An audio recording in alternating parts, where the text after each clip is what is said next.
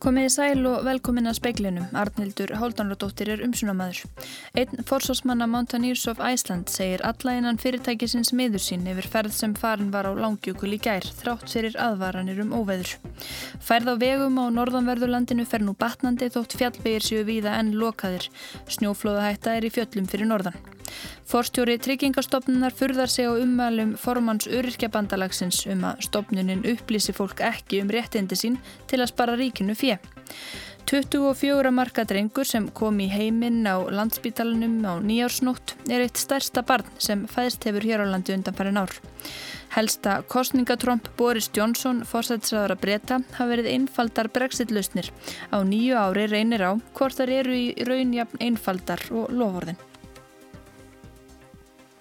Rekstrarstjóri ferðarþjónustu fyrirtækisins Mountaineers of Iceland sem fór með ferðamenn á langjökul í gær þrátt fyrir afleita veðurspá segir að allir hjá fyrirtækinu séu miður sín yfir þeim rakningum sem fólkið lendi í. Mjög slæmt veður og færð var í gær og voru björgunasveitir kallaður út í gerkvöld vegna 39 ferðamanna og 10 leiðsugumanna við langjökul. Ítrekkað hafði verið vara við slæmu veðri. Haugur Herbertsson, rekstrastjóri Mountaineers of Iceland, segir að starfsfólk hafi vitað af því að óveður væri nánt en að stemt hafi verið að því að ljúka ferðinni áður en það skilli á. Við erum náttúrulega gjörsanlega miður okkar og hugur okkar er hjá fólkinu sem var þarna við frá í gerð.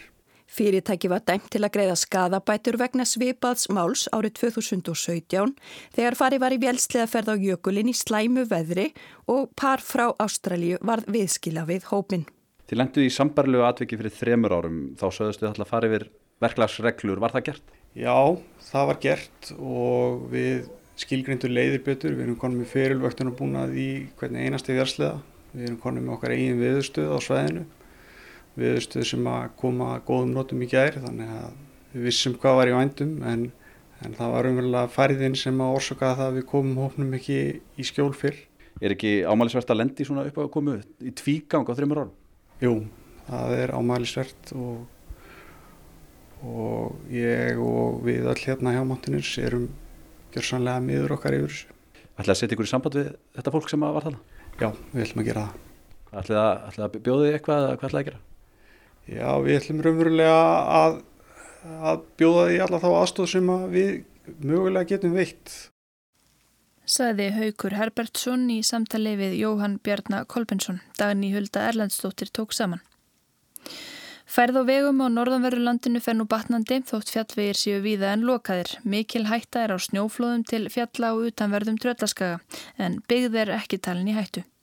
Það hefur verið vonsku veður á norðanverðu landinu í allan dag en þar gekk í suðvestan kvassfyrir snemma í morgun og fyrr sumstaðar. Það er ekki algengt að vegagerðin lokið þjóðeginum réttu bæjamörkinu og akkureri en það var samt gert í dag. En úr því leistið setnipartin og leiðir milli akkurir og dalvikur var þá opnuð. Í nótt verður lokaðum Ólasfjörðamúla og Sygluferðaveg en umferð hleyft tímabundið á Ólasfjörðavegi kvöld. Norðurleiði milli Reykjavíkur og Egestaða var meir og minna ófær í dag og enn eru fjallvegi vegi lokar á þeirri leið. Bílum verður fyllt yfir Holtavörðu heiði til klukkan 8 en þá verður heiðinni lokað aftur fyrir nóttina. Mývas og möðrutarsörafi er orðin fær en á vestfjörðum er enn töluverð ófærð. Í suðvestan áttinni hefur talsverður snjór sapnast í fjöll á vestan og norðanverðu landinu og síðustu nótt fjallu snjófláð og sykluferðaveg og ólefsferðaveg og í bögvestaða fjalli ofan Dalvíkur. Þá fjall flóð ofan við veginn um Búlandsauða á Snæfellsnesi. Harpa Grímsdóttir er fórstuðum að snjóflóðasettur Sveðurstofu Íslands. Við teljum ekki að þessi hætta á snjóflóðum í byggð eins og er en við fylgjumst vel með stöðinni og næsta sólarhingin er spáð áframhaldandi suðvestan átt og þá heldur áfram að sapna í þessa sömu staði. Um, síðan á förstu dag þá snýst í norðaustan átt og verður hríð uh, þegar líður að kvöldi sérstaklega á vestfjörðum og þá getur sá snjór sem er komin nú þegar farið aftur á reyfingu og, og þá getur skafið hratt í hlýðar sér snúa í aðrar áttir heldur en er að sapnast í núna. Þetta var Harpa Grímsdóttir, Ágúst Ólafsson tók pistilinn saman. Vegna áframhaldandi slæmrar veðurspár hefur Æslandir ákveðið að flýta nýju flugferðum frá Keflavík sem áallar voru í fyrramálið, 5. daginn 9. januar. Flugi verður flýtt til miðnettis í kvöld. Í tilkynningu frá Æslandir segir að innritin verði opnu klukkan 21 í kvöld og brottfarir áallar um eða upp úr miðnetti. Þetta hafi áhrif á ferðalögum 1700 farþega. Jafnframt sé líklegt að brottfaratímar á öðru flugi til Evrópu í fyrramálið breytist. Mike Pompeo, utanríkisráður að bandaríkjana, fer fram á fullt samráð við rannsókn á flugslýsinu í Íran í nótt. Þetta kemur fram í yfirlýsingu sem hann sendi frá sér undir kvöld. Aðtekli vekur að þar er Íran ekki nefnt á nafn. Íranar segjast ætla að rannsaka flugrita þótunar sjálfur. Justin Trudeau, fórsættisráður að Kanada, býður Írunum aðstóð Kanadamanna við rannsókn flugslýsins. Í þótunni voru 63 kanadískir ferðamenn. Trudeau segir að ítaleg rannsókn verða fara fram til að hægt verða svara spurningum vandamanna þeirra sem letust um ástæðu slýsins. Emil Rappn Stefánsson, 24 marka drengur sem kom í heiminn á landsbítalunum á nýjársnótt, er eitt stærsta barn sem fæðst hefur hér á landi undanfærin ár. Emil var fyrsta barn ársins og mæltist við fæðingu 59 cm og tæp 6 kg. Eitt til tvö börn á ári mælast 22 merkur við fæðingu en fátítt er að börn séu stærri en það.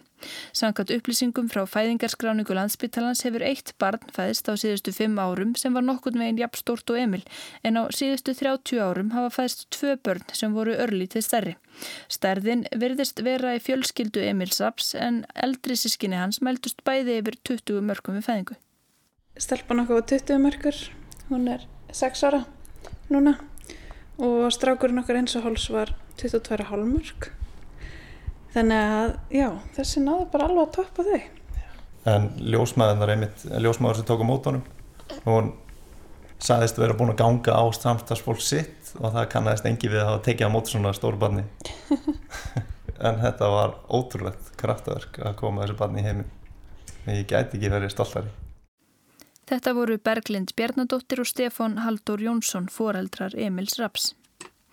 Forstjóri tryggingastofnunar segir að stofnunin muni bregðast við niðurstöðu umbóðsmanns alþingis í máli konu sem var ekki upplýst um réttindi til barnalíferis. Forstjórin vísar á bug umælum formans öryrkjabandalagsins um að upplýsingaskildu sé ekki sint sem skildi. Umbóðsmaður Alþingis komst nýlega þeirri niðurstöðu að tryggingastofnun hafi verið skilt að upplýsa konu árið 2008 um að hún hafi átt rétt á barnalíferi. Konan heyrði fyrst af þessum rétti sínum mörgum árum síðar eða árið 2017. Hún sótti þá um líferinn en lögum samkvæmt átti hún þá aðeins rétt á barnalíferi tvö ár aftur í tíman eða til 2015. Formaður örkjabandalagsins saði í hátegisfrettum í gær að mál konunar var í langt frá því að vera einstæmi og velti því fyrir sér hvort stopnunum hafi tekið þá ákvörðun að upplýsa fólk ekki um réttindi sín til að spara ríkinu fjö. Sigriður Lili Baldurstóttir, fórstjóri tryggingastofnunar, segir að brugðist verði við niðurstu umbósmanns og að verklagsreglur hafi tekið miklum breytingum á síðustu 12 árum. Og ég raun má segja að frangandin sé núna þannig að umsækjendur sér leittir með upplýsingum og spurningum alla leið í gegnum flokkna flóruréttinda til að tryggja að skýli sér. Þetta er gert í, á umsöknar eðublöðunum, í verklagsreglum allra umbóða tryggingastofna hjá síslumannum og hér hjá stofnunni sjálfri og á mínum síðum er hægt að komast fram hjá því að sjá þessar spurningar og haka við þá já eða nei hvort við komandi sæki jáfnfrættum ennur tildekinn réttindi heldur sem bara til dæmis örorku líferi. Sigriður furðar sig hins vegar á umvalum formans örkjabandalagsins. Stopnunin leiti allra leiða til að upplýsa fólkum sín réttindi en það þurfi eftir sem áður að sækjum þessi sömu réttindi. Ja, það getur við þessum að aldrei tryggt algjörlega en við gerum allt sem við getum til þess og höfum svo ágjörlega fengið eh, góða aðstóður ekki bandalagsins á okkar reglubundum fundum við að finna góða leiðir til að leiðbina betur og upplýsa betur. Þannig að eins og ég sagði það er ég það mig orðin form á Sörkja bandalagsins um að, að við finnum þessu ekki eins og við getum best Saði Sigriður Lili Baldurstóttir forstjóri Tryggingastofnunar. Háskuldur Kári Skram tók saman. Átta störf hafa verið lögðu niður hjá Sælabanka Íslands í skipulagsbreytingum sem gerðar eru með nýju skipuriti sem tók gildi í dag. Þetta kemur fram í tilkynningu frá Sælabankanum. Skipuritið feili einni í sér að nokkur svið verði lögð niður eða saminuð og starfsfólk færist til. Starfsmennir átta sem sagt var upp voru flestir millistjórnendur sangvað heimildum fréttastofu. Ferðamálastofa krefst skýringa á því hvers vegna ferðaþjónustu fyrirtækið Mountaineers of Iceland lagði upp í vélslega ferða á langjökul í gær með 40 manna hóp þrátt fyrir slæma veðurspá. Lögreglar ansakar atvikið. Veðrið var snældu vittlust en viðbrasaðilar eru sammála um að betur hafi farið en á horðist í fyrstu. Atveikið beinir sjónum að öryggi ferðamanna og ábyrð ferðarþjónustu fyrirtækja. Fram til ásins 2019 voru litlar öryggiskröfur gerðar til fyrirtækjana í lögum. Ferðamálastjóri segir atveikið í nótt kvartningu til að ganga enn ákveðnar til verks. Neðarkalli barst klukkan átta í gerðkvöldi en fólkinu var ekki komið í skjól fyrir í morgun. Þetta var laung og erfið nótt. Fólki beð klukkustundum saman upp á jökli áður en aðstóð barst, fyrst undir berum himni, svo í óuppbyttuðum bíl. Hátt í 200 björgunarsveitamenn tóku þátt í aðgerðum. Þetta er náttúrulega frekar umfangs mikið. Eh, þarna virkjum við nánast allar okkar einingar. Við erum með aðgerðarstjórn, eh, samhængamistöð Við erum með neyðamistöð, bakvakt og svo alla viðbráðsópan okkar hérna á svæðinu. Saði Jón Gretar Guðmundsson aðgerðastjóri hjá Rauðakrossinum í morgun. Kári Rafn Þorbergsson í sleðaflokki flugbjörgunarsveitarinnar og hellu lísti aðstæðum og vettvangi í samtali við Ölmu Ómarsdóttur Frettamann. Það var, var bara, við sáum ekki niður á skíðun á sleðunum, þannig að það var algjörlega bara blind kersla. Þú segja að fólk hafi verið í hættu kannski ekki þegar við komum að því þegar það var alltaf allir konni í skjól og alltaf ekki segja, ekki mitt að dæmum það en, en hérna, allavega svona uh, mín skoðun að hérna þetta, við, það, þau halvi geta verið hann í 2-3 tími viðbót. Það ekki, hefði ekki verið neitt vandamál Vélsliðahópurinn var fluttur með snjóbílum í skálan í Geldingafelli og þaðan á Kaffi Gullfoss þar sem Rauðikrossin hafi komið upp fjöldahjálparstöð. Þar fekk fólki læknisaðstóð og faglega aðlinningu. Nokkur ár hópnum kal á fingrum og við komuna í Kaffi Gullfoss gatt 11 ára drengur úr hópnum ekki stíð í fæturna. Móðir hans er reið. Hún segir fyrirtækið skorta alla innviði og spyr hvers vegna það fái að starfa hér. Feel like how country like Iceland, like is living for from the tourism nowadays, can allow a company like this. Of course, of course I'm angry. Ástrálsk hjón sem fóru í vélsleðaferð með Mountaineers of Iceland árið 2017 spurði sér sömu spurningar. Sögðu helst þetta svifta fyrirtæki starfslefi. They should be closed down, seriously. This company sent us out when there was a severe weather warning. We spoke to another guide. He took his group out, and within 15 minutes, he turned around and brought them back. Because it was too unsafe. Because it was so unsafe. Hjónin, David og Gail Wilson urðu viðskila við hópin í vonsku veðri og byðu björgunar í 7 klukkustundir. Þau helduðu erðu úti. Herbert Haugsson, einn eiganda fyrirtækisins, harmaði reynsluðira í samtali við fréttastofu árið 2017 en gafi skina þau ættu sjálf einhverja söki í máli. Þau hefðu ekki farið að reglum sjálfum sér eh, get ekki fundir einn mistök í sjálfum sér en þetta er náttúrulega rauð hérna óhefnilegra tilfella sem að valda þessu. En okkur þykir þetta afleitt að þetta skildið þurfa að koma upp á og hérna við myndum skoða alla verkferla hjá okkur í framtíðinni Hjónin fór í skadabótamál og í marsi fyrra var Mountaineers of Iceland dæmt til að greiða þeim 700.000 krónur auk málskostnaðar. Í dómsorðinu segir að hjónin hafi glimt við kvíða, streitu og félagsfælni eftir ragningarnar. Atveikinn tvö beina sjónum að öryggi ferðamann og ábyrð ferðarþjónustu fyrirtækja. Árið 2017 þegar að áströlsku hjónin byðu köld og rakin á jöklinum voru ekki gerðar kröfur í lögum um að fyrirtæki gerðu öryggis áætlanir. Það hafi verið í umræðinni árum saman að setja slíka reglur og ferðamálastofa hóf vinnu við árið 2011. Starfshópur á vegum stopnarinnar komst að þeirri niðurstöðað öryggismáli ferðarþjónustu væru almennt ekki lægi og almennt litlar kröfur gerðar til fyrirtæki greininni.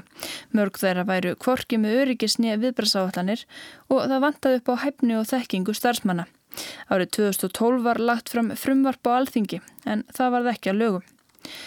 Nýlögum ferðamálastofu tóku gildi í júni árið 2018. Þar voru loksgerðar hertar kröfur til fyrirtækja sem að skipulegja dagsferðir. Frá 1. janúar 2019 hefur verið gert krafa um að öll slík fyrirtæki gerir skrifilegar öryggis áallanir fyrir allar gerðir ferða sem þau bjóða upp á. Laugin gera þær kröfur til ferðarþjónustu fyrirtækjana að þau meti áhættu við ferðina, setji verklagsreglur og geri viðbrasáallun um hvernig skuli bregðast við ef eitthvað fyrir úrskiðis. Þá eiga fyrirtækina vinna atfika skýrslu um öll óhaupp. Við skipulag ferða eiga fyrirtækina taka mið af aðstæðum og áhættu hverju sinni og í lögunum er meðalnarsfjallaðu um mikilvægi þess að huga tímasetningu ferða og ytri aðstæðum. Veður og færð falla líklega þar undir. Ferðamálastofa hefur eftirlit með leifiskildri starfsemi þar á meðal öryggisáallunum. Öryggisáallanir fyrirtækja eru ekki sendar inn til ferðamálastofu en stopnunin getur kallað eftir áallunum hvena sem er. Í morgun óskaði Skarpiðin Berg Steinarsson ferðamálastjóri eftir afriti af öryggisáallun Mountaineers of Iceland vegna vélsleðaferðana sem það skipulagur á langjökli. Áallunin var sendum hæl. Skarpjöðin óskaði líka eftir svörum við því hvers vegna ferðin var farin þrátt fyrir veður viðvaranir og hvernig svo ákvörðun samræmdist öryggisáalluninni. Hann segir að svör við því að ég berast á næstu dögum. Í öryggisáallunin á að koma fram áhættumatt e, og það að það liggi fyrir hvernig er stopnað til ferðarinnar að það sé tekið mið af aðstæðum meðal annars og þeirri áhættu sem að, sem að hérna Eh, er því, því fólkin að, að fara, í, fara í ferðina. Það likur líka fyrir í þessari lagagrein sem að þetta byggir á að þeir sem að taka þátt í ferðina eiga að vera upplýstir um þá, þá áhættu sem því fylgir að taka þátt í henni. Þannig að það er ímis ákvæðið þarna sem, að, sem við þurfum að fara yfir og kanna hvort það hafi verið farið eftir en, en allavega þá, þá verðist vera, ég menna það, það, það likur fyrir í málunu að það voru viðvarenir um það að fólk gæti ekki að vera á ferli á hálendinu eh, en, en það var ekki farið eftir því þessu tilfelli. Liggur þá ekki bara fyrir að lög voru brotin? Er þetta ekki bara frekar klift og skorið? Við skulum, við skulum fá það, það skýringar sem að fyrirtæki hefur, hefur fram að færa en vissulega þá, þá lítur þetta út fyrir að hafa verið einhvern veginn öðru sér heldur nefnustóð til. Hvaða skýringar gæti fyrirtæki komið með sem að réttlæta þessa ákvörðun að fara í ferðina? Nú get ég ekki verið að spekulera í því hvaða skýringa það kunna að vera. Ef að það kemur í ljós að það braut lög, verður það þá svifti leifi? Ef það kemur í ljós að það broti, broti þessar eh, reglu sem um þetta gilda og það er ekki möguleik að bæta úr því með, með ásættalagum hætti að þá, þá, þá, þá likur fyrir að, að það mun ekki hafa leifi. Ferðamálastofa getur fælt leifi úr gildi ef öryggisáallun er ófullnægjandi eða ef rekstraræðili brítur og annan hátt gegn ákvæðum lagana. Leifi ferðarþjónustu fyrirtækja eru ótímabundin. Eitt af grunnskilirðunum fyrir leifisveitingu er að forsvarsmaður fyrirtækisins hafi ekki hlotið dóm fyrir refsiverðan verknað í tengslum við atvinnurekstur síðastliðin fjögur ár. Mountaineers of Iceland fekk leifi áður en dómur fjall í máli ástralsku hjónana. Skarpiðin segist ekki geta lagt mat á það hvort fyrirtækið hefði fengið leifi ef dómur hefði fallið áður en starfseminn var leifiskildi í janúar 2019.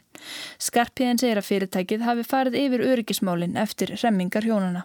Var meðal annars aðilað vakanum, gæð og öryggiskerfi e, ferðarþjónustunar og e, og þannig að, þannig að það likur alveg fyrir að það, það brást við með, með, með einhverjum hætti.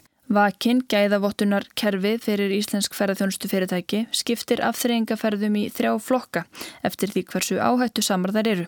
Köfun, flúðasiklingar, jöklaferðir og hellaskoðunarferðir falla í hættulegasta flokkin. Í leiðbenningum vakans um hvernig skuli vinna öryggisáallanir segir að í þessum ferðum séu þáttakendur settir í þannig aðstæður að það skapist hætta á heilsutjóni stýri ferðaskipuleggjandin ekki áhættunni. Með öðrum orðum, án góðs utanumhalds getur ferðamennir hæglega að fara sér að voða. En bera ferðarþjónustu fyrirtækin raunverulega ábyrð á ferðamennunum? Já, sjálfsögðu berða ábyrð á því. Það er að selja þarna ákvæmna ferð og ríkið útluta leifum til svona fyrirtækja á grundvöldi annars vegar neytindavendar og hins vegar öryggi ferðamanna. Þannig að það er útgangspunktur. Hann segir að auðvita sé það mats atriði hvort fara í ferð þegar að veður er vond en að það þurfi þá að liggja fyrir hlutlæga reglur um hvernig ákvörðun um það er tekin. Hver tekur hana? Við hvaða, á, á, hérna, hvenar hún er tekin? Eh, hvernig skulle fara með þá eh, máli kjölfarið? Það þarf að endugræða eh, ferðamönnum eða, eða það þarf að koma þeim til síns heima eða hvað það er allt saman þetta allt saman verður að liggja fyrir í þessum, þessum uh, öryggisreglum sem að fyrirtæki setja sér eh, síðan erum við satriði svona í, í umhverfunu eins og, og veðuviðvaranir og, og annað slikt sem, að, sem þessi fyrirtæki verður náttúrulega að taka inn í reikningi hjá sér sem virðist ekki hafa verið gert í þessu tilfelli. Lengi var það undir fyrirtækunum sjálfum komið að hafa öryggismálinn í lægi, ríkið gerði litlar kröfur. Starfsópur ferðamálastofu komst árið 2011 að þeirri niðurstöðu að víða væri sleið slöku við í öryggismálum. Skarpiðin segir að síðan þá hafi orðið vitundarvakning. Fyrirtækin í greininni hafi lagt sér fram um að bæta öryggismálinn þrátt fyrir að laugin hafi ekki beint krafistess og mörg verið komin með öryggisáallun áður en laugin tóku gildi. Þannig að stjórnvöld taka, þessu, eh, taka, taka þetta mjög alvarlega og eru að, að leytast við að hafa þetta í nokkuð góðu lægi og það hefur orðið mikill árangur í þessu. Við sjáum það bara í, í umferðarslýsum. Þar hefur dreigið úr. Öll upplýsing til ferðamanna, það er sífælt verið að bæta, bæta hana. Nú er ár síðan fyrirtækin áttu lögum samkvæmt að vera komin með öryggisáallanir. Hefur ferðamálastofa kallað eftir mörgum slíkum áallunum? Við höfum ekki ekki kallað eftir mörgum, við höfum kallað eftir einhverjum. Það er, valin svo leið við þessa lagasetningu að, að leggja þessa skildur á fyrirtækin og að, að við getum þá kallað eftir eftir því sem ástaf verið til kallað eftir þessum áallunum. Við, hérna, eh, við getum gert það en, en við erum líka með ákveðin fyrirkomulega því að kalla eftir með svona tilvönum kendum hætti ákveðin fjölda af, af öryggisáallunum á ári og við munum halda því áfram. Hvað eru það margar ári? Ég, það er einhverjir, einhverjir týjir, það er ekki meira. Atvika skýslu sem fyrirtækin eiga að gera ef eitthvað kemur upp á, skilaðu þeim til ykkar? Nei, skilaðu þeim ekki til okkar. Það er mjög mikilvægt að það séu gerðar atvika skýslur þegar að óhöppin eiga sér stað e, til að tryggja hagsmunni hérna, þeirra sem að verða fyrir skakkaföllum. Þannig að þið vitið ekki hversu mörg atvik verða. Mm, nei. Hafið þið svift einhver fyrirtæki starfsleifi vegna uh, skorts á öryggi? Ekki á þenn tíma sem ég verða að ferðmásta. Mingin teluru öryggismálin vera í lægi? Ég... Þarf að bæta eitthvað?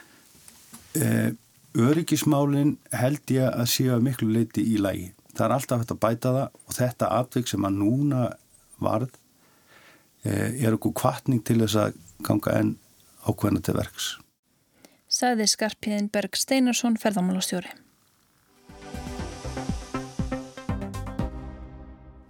Ef allt fer sangat áallinu verða breytar gengnir úr Evrópusambandinu í lok januar. Boris Johnson, fórsættisræðara, vann þingkostningarnar í desember með lovorði um innfaldar brexit-lusnir. Sjálf útgangan sem átti að vera innfaldilutin tók þó þrjú og hálft ár. Nú býða samningar um framtíðarsambandið sem gætu bæði orðið flóknari og senlegri en brexit-lovorð fórsættisræðara gáðu til kynna. Að bæjarhlaðinu í dáningsstræti eru nýjás horfurnar bjartar eftir kostningarnar í desember hefur stjórn Boris Johnson kláran meirulhuta og fórsætsráðara auk þess búin að losa sig við flesta þingmennflokksins sem ekki stuttu hans einörðu brexit-stefnu. Það var líka hressilegur tótn í stuttri og snaggaralegri áramótakveðju sem fórsætsráðara byrti á netinu á gamnastag. Hello folks, I hope you've all had a fantastic Christmas and are still enjoying the festivities as we say goodbye. To 2019. Let's also bid farewell to the division, the rancor, the uncertainty which has held this country back for too long. Laus við alla formfestu bauð fórsætsráðara landsmönnum gleðilegt ár og hvati gamla árið með óskum um að hveðja nú líka flokkadrætti, óvissu og gremju sem svo lengi hefðu haldið aftur af þjóðinni. Við hvaði fórsætsráðara er stjórn fólksins, allt í þá fólksins, Það fylgir ekki sögunni í þáu hverra fyrri stjórnir voru þá, jafn líðræðslega kjörnar og núverandi stjórn. Eftir útgönguna verður svigrúm samkvæmt fórsætsráðara til að sinna öðru en bara brexit. Fyrna mikið á dagskrá, stjórn fólksins ætlar að hrindi framkvæmt forgangsmálum fólksins. We have a packed, ambitious agenda ahead. As the people's government, delivering the people's priorities. En aftur að Brexit. Það breytist ekkert með útgöngusamningum í janúarlokk en þá er komið að því að semja um viðskiptin til framtíðar. Fyrir jól lagði breskastjórnin fram frumvörp vegna útgöngunar. Þingið mun aðeins fá þrjá daga til umræðina nú eftir að það kemur saman í vikunni. Liður í því er að í lög verði fælt ákvæði um að framtíðar samningunum verði að ljúka fyrir loka ársins. Mest tákratgjörningur því stjórnin getur einfallega sett ný lög um ný tímamörk ef þarf. Miða við reynsluna af alþjóðlum viðskiptasamningum er það nokkuð ósennilegt að breytum takist að gera viðskiptasamninga við Evrópusambandið fyrir loka ársins. Eitt skilirði Evrópusambandsins er að ef breytar higgi á framlengdan frest verða byggja um hann í síðasta lagi júni. Írin Phil Hogan fer með viðskipti í framkvæmdastjórn ESB. Í viðtali við Irish Times fyrir helgi myndana og að Johnson forsætsráðara hefði líka lofað að drepast frekar í skurði en fresta útgöngunni fram yfir lokadaginn sem þá var 31. oktober. Engin draps í skurði. Það verður líka hægt að lengja samningaferlið, sæði Hogan. Það eru skipta skoðanir um hversu vitlegt sé að einskorða sig við ástlokin. Breskastjórnin telur þetta svipu á Evrópusambandið og ofur hótunin um samningslösa útgöngu og vera áfram yfir. Aðri telja að tímamörkin bytni mest að breytum sjálfum, vinni gegn samningssjónarmiðum þeirra, hver sem þau nú verða. Kostningaslagur Johnsons voru skörp en ESB-stefnans er þó enn á huldu. Úrsula von der Leyen, fórseti framkvæmdastjórnar ESB, nefndi tímamörkin í ávarpi sínu á þingi Európusambandsins nú fyrir jólinn. Stuttur samningstími var í vandi, en það væru vissilega breytingar í vendum, saði von der Leyen. This is not the end of something. It is the beginning of new relations between neighbors and I want us to become good neighbors with our friends in the United Kingdom Long live Europe. Engin endalók í vændum heldur upphaf að nýju sambandi millir nágrana og von der Leyen vil vera góður nágrani lengi lifi Evrópa, sæði nýju fórseti framkvæmdastjórnarnar sem hún funda með Johnson í vikunni.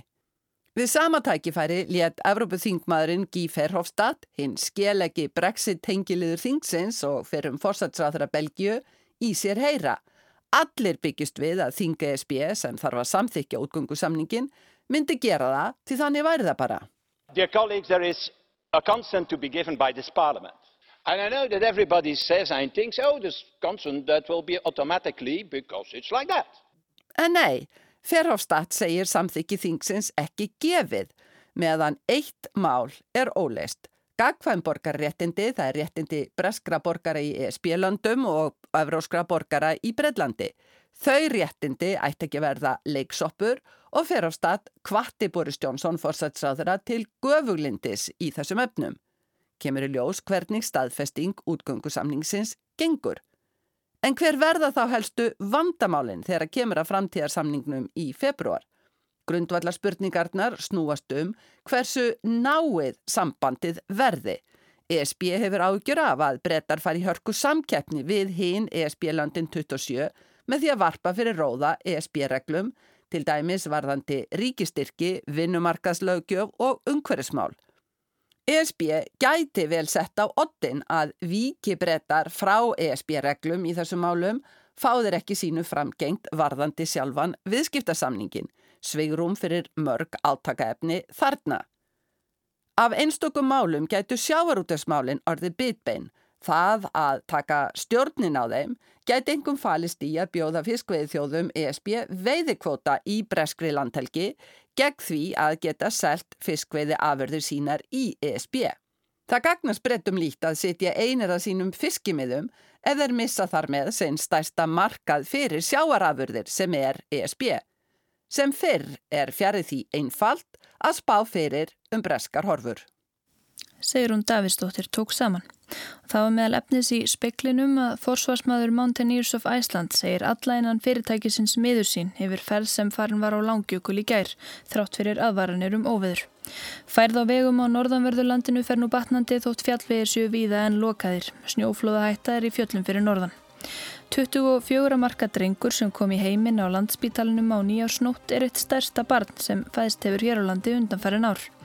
Veðurhorfur á landinu til miðnættis annað kvöld, suðvestan kvassviðri eða stormur, jél vestan til en bjartviðri og úrkomu lítið austanlands, kallt í veðri. Tæknumæður í speilunum í kvöld var Rappkjell Sigursson, verið sæl.